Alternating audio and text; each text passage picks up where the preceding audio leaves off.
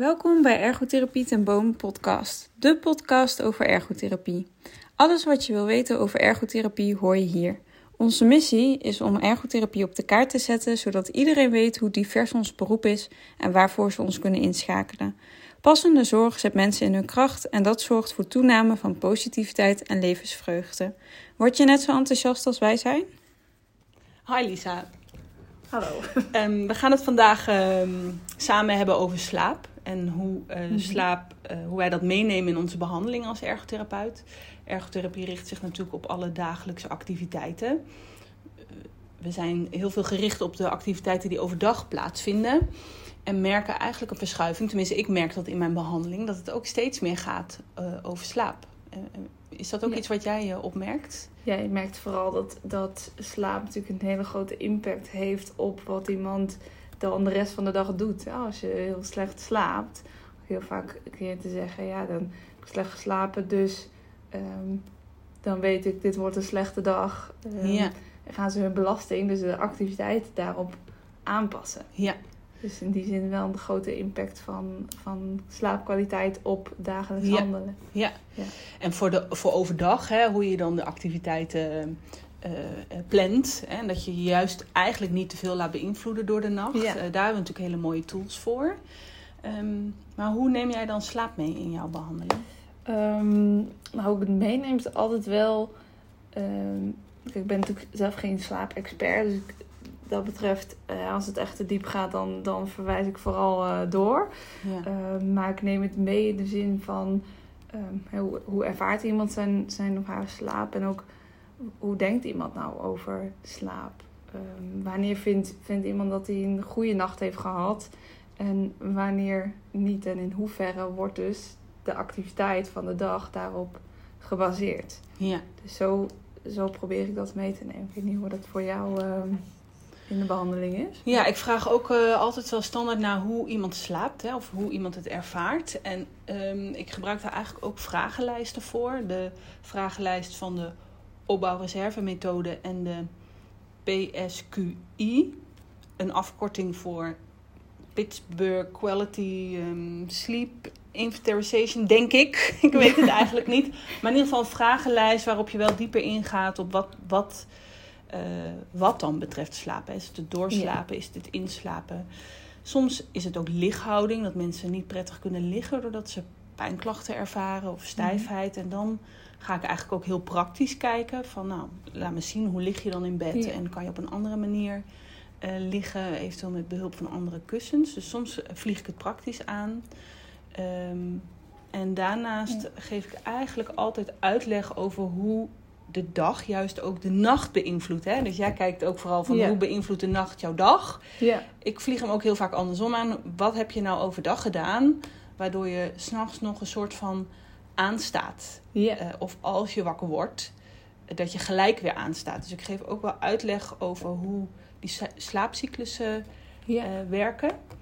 Want die, die vragenlijsten, gebruik je die met name om inzicht te krijgen in iemands slaappatroon? Of ook om een beetje te testen of het Allebei. slaapkwaliteit goed Ja. is? Of, Nou, ehm, eh, vooral om inzicht te krijgen waar zit het probleem en om daarop uitleg, eh, educatie te geven. En vervolgens ook als we dan overdag, als we dan met de activiteiten overdag aan de slag gaan, hè, het eh, verdelen Mhm. van de energie of de activiteiten, eh, dat mensen ook ervaren dat de nacht beter wordt. En dat, dat kan je als goed is weer terugzien in die vragenlijsten. Ja. Dus het is ook eigenlijk gelijk een, eh, een eh, nulmeting. Ja. Ehm, dus ik geef ook altijd uitleg over inderdaad de relatie tussen de dag eh, en de nacht. Ehm, Mhm. ja, en wanneer spreek je nou van goede slaap? Ja. Heb jij, daar, heb jij daar ideeën over? Want zoals je zegt, wij zijn geen slaapexpert en Nee. er is heel veel te vinden op internet. Ja. Ehm, maar heb jij daar, heb jij daar Ja, een mening ik- over? Ja, ik vind het, ik vind het een hele lastige. Waar ik het, ehm, mijn beeld vooral baseer is ehm, dat iemand ervaring van voordat hij ehm, klachten kreeg. Want heel vaak merk ik dat slaap verandert naarmate er klachten komen. Dus bijvoorbeeld vermoeidheidsklachten of pijnklachten. Dat ze daarna slechter zijn gaan slapen. En dan probeer ik ook te kijken, wat het verschil van daarvoor Ja. en, en nu. En daarop probeer ik dan een beetje te baseren wat dan voor die persoon goede slaap is. Ja. Maar eh, echt een definitie van goede slaap, die, ehm, die heb ik niet. Nee, nee. dus je kijkt dan vooral als iemand voorheen om tien uur naar bed ging en nu om eh, acht uur. Ja. Ja. dat is dan eigenlijk niet voor diegene de normale slaap. Hè? Of als ze voorheen om Ja. acht uur het bed uitkwamen en nu, nu om, acht, om negen uur. Ja, Dan is, of hoe vaak ze wakker worden. Ja, eerder Ja. twee keer per nacht wakker werd en nu vijf keer. Dan, Ja. dan echt, want iemand zegt ik slaap slecht, dan ben ik twee keer per nacht wakker. Maar er was dat daarvoor ook altijd wel. Ja, Ja, in hoeverre is er dan een verandering in, in slaap en kun je dan over slechte slaap hebben? Ja. Ja. Zo, Ja. ja. Weet niet hoe jij hem eh, pakt, maar Nou, ook, ook wel zo hoor. En waar ehm, die PSQI, die kijkt ook, dat vind ik wel het mooie aan die lijst, van hoe lang lig je in bed en hoeveel slaap je daadwerkelijk. En dat percentage is wel heel belangrijk. Ehm, dat, je, ehm, dat, je, dat het bed eh, echt is om te slapen. eh, en niet om wakker te zijn. Want anders is de associatie vanuit je brein al dat het bed wordt geassocieerd met wakker zijn. Ja. Ehm, dus daar kijk ik dan ook wel naar. En daar geven we dan ook eh, adviezen over. Mhm. Ehm, nou, lijkt het me eigenlijk leuk dat we een soort van eh, top, nou ja, niet top 10, maar in ieder geval 10 adviezen. Er zijn er nog heel veel meer, maar dat we misschien 10 tips kunnen geven waar mensen eh, direct wat mee kunnen als ze Ja. slechte slaap ervaren. Ehm, nou, wat is jouw eerste tip? Mijn eerste tip is: ehm, zorg dat je niet vanuit stress in bed gaat liggen. Dus dat je eigenlijk al naar de rust toe gaat voordat je echt het bed instapt om te gaan slapen.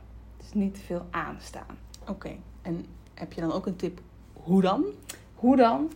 Ehm, dat kan zijn een ehm piekenkwartiertje. Uh, vaak eh, als je in bed ligt gaan de gedachten eh, rond wat heel erg activerend werkt. Dus waardoor stress verhoogd raakt. En door dat dus voordat je gaat slapen al even te doen, haal je vaak al de lading van de gedachten af. En kan je het dus, als je dan wil gaan slapen, loslaten. Ja, dus uit je hoofd op papier. Ja. Ehm, in datzelfde kader zou ik de tip geven om ehm, een ehm, meditatie op te zetten. En Er zijn heel veel verschillende apps voor. Eh, meditatie-apps, maar ook ademhalings-apps. om eigenlijk heel rustig je ademhaling te krijgen. Zodat ehm, vanuit rustige ademhaling jouw lijf ook in een ruststand ehm, gaat komen. Mhm. Ehm, dus ja, een, een app opzetten. Mooi. Tip nummer drie. Nummer drie. Creëer een vaste routine. Zelfde tijd opstaan en ongeveer dezelfde tijd naar bed gaan. En dus wel naar bed gaan als je moe wordt. Ja. ja. En is daar dan nog een verschil in? Is het naar bed gaan tijdstip of het opstaan tijdstip? Het opstaan tijdstip is belangrijker dan het naar bed gaan tijdstip. Want om naar bed te gaan moet je wel voldoende slaapdruk hebben. Dus je moet voldoende reden hebben om te gaan slapen. Ja. Dus als jij nog niet moe bent, dan val je ook moeilijker in slaap. Ja. Ja, en, en dat je dan niet streeft naar per se dat tijdstip eh, te Precies. halen. Of, Ja. ehm, en, en als je opstaat is het ook zo dat je, als je het vaste tijdstip opzet, dan word je vanzelf na verloop van tijd hetzelfde Ja, tijdstip Precies. eigenlijk. vaak, eh, vaak word je dezelfde tijdstip moe. Ja. Dus ga je toch wel ongeveer dezelfde tijd elke dag naar bed. Dus sla- creëer je echt een routine in je slaap. En hoe is dat dan in het weekend? Iets uitslapen kan, maar niet te veel. Ja. Dan moet je me even helpen. Maar volgens mij een uur Ja, anderhalf speling, uur. anderhalf uur speling eh, is oké. Maar eh, ga niet eh, drie, vier uur later dan normaal opstaan. Want dan, Ja, haal je het ritme weer onderuit. Ja. precies.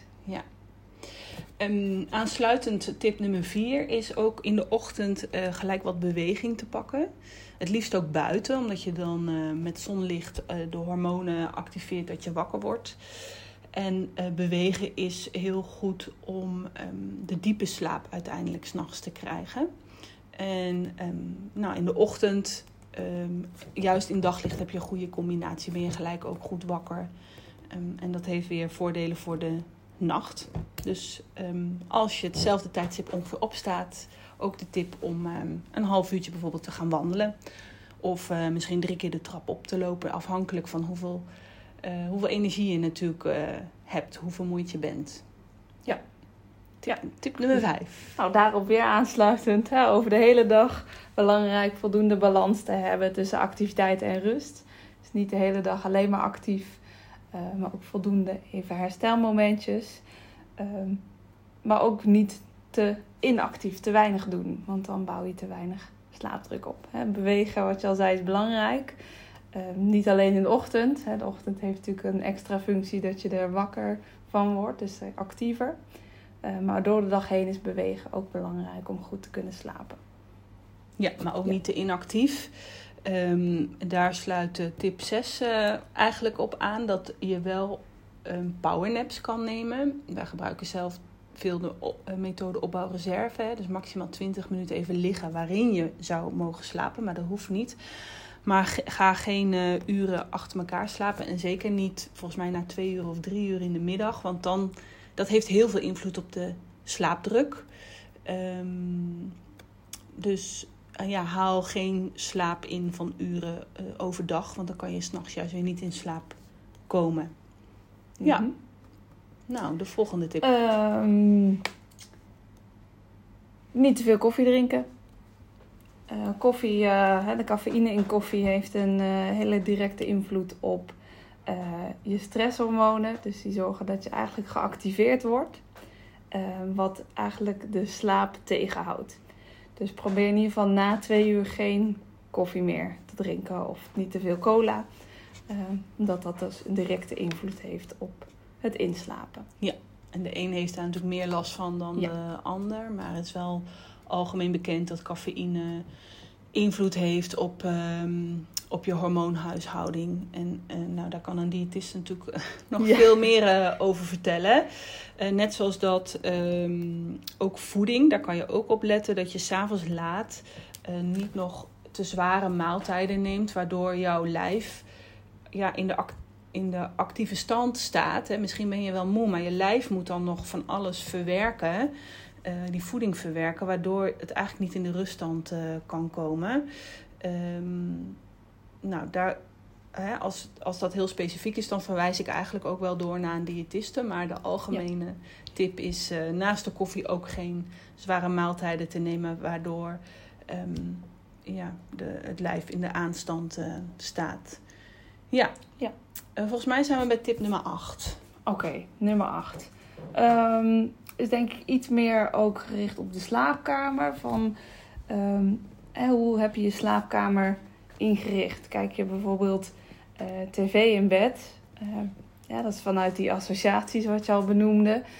niet verstandig, want dan gaat het brein je bed ook associëren met tv kijken in plaats van slapen waardoor dat alleen maar meer belemmerend werkt. Ja. En de laatste tip, dat gaat meer over hoe denk je eigenlijk over slaap.